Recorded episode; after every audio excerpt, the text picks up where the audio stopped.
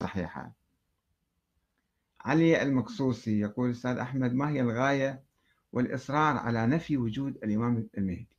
وهل بحثت في الروايات التي تدل على ولادته؟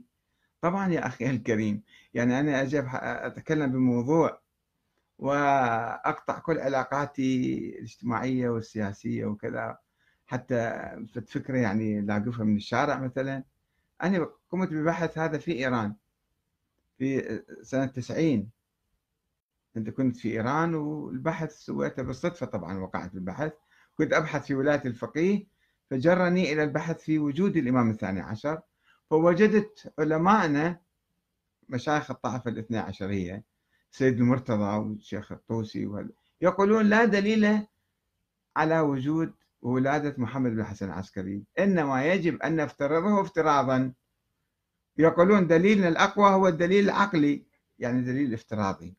يعني ماكو دليل تاريخي. دليل تاريخي على ولادته ووجوده ما موجود عند المشايخ الطائفة نفسهم ما, ما عندهم الدليل هذا.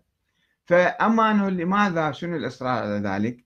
لأنه أول شيء هذه الفكرة مسويت أن طائفة مغلقة وركبت عليها نظرية الإمامة الإلهية اللي هي تهاوت نظرية الإمامة قال بها بعض الناس ثم واجهت تحديات ووصلت إلى طريق المسدود وانقرضت وبادت وانتهت وكان خلصنا من عندها قبل ألف سنة. فإجوا الجماعة قالوا لا عندها واحد موجود ثاني عشر وهذا سوف يظهر في المستقبل. خلوها معلقة. وأدت إلى آه، تكون الطائفة الاثنى عشرية. ثم ألف سنة إحنا سياسيا حرام علينا نقوم بثورة أو حركة سياسية أو دولة أو شيء أو نشارك في أي دولة. كنا مهمشين. ثم عندما قلنا بضرورة آه، قيام الدولة أو المرجعية مثلا قبل 100 200 سنة قامت في ظل الغيبة صار المرجع هو ممثل الله في الأرض وهو الحاكم الشرعي وهو ظل الله في الأرض وهو نائب الإمام وهو مقدس. فعندنا صار ديكتاتورية دينية. الآن حتى عند تجربتنا الآن بالعراق إقامة نظام ديمقراطي. هاي تجربة هشة وضعيفة لأنه فوقها هناك مرجعية دينية تمتلك الشرعية. وأنا أتعجب من حزب الدعوة اللي هو شوية لو يفكرون في بياناتهم الأخيرة أنه إحنا نؤمن بالديمقراطية وبالمرجعية. شلون تؤمن بالديمقراطية وبالمرجعية؟ لو ديمقراطية لو مرجعية. المرجعية ضد الديمقراطية. المرجعية نظام ديني مقدس وكذا. الديمقراطية نظام مدني شعبي منتخب الحاكم.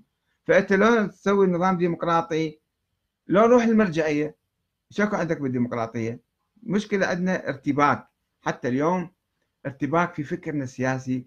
مضيعين المشيتين لا إحنا مع المرجعية ولا إحنا مع الديمقراطية. فالنظامين تقريبا يكادان يفشلان. ما رأيك بكتاب الموسوعة المهدوية للسيد الصدر.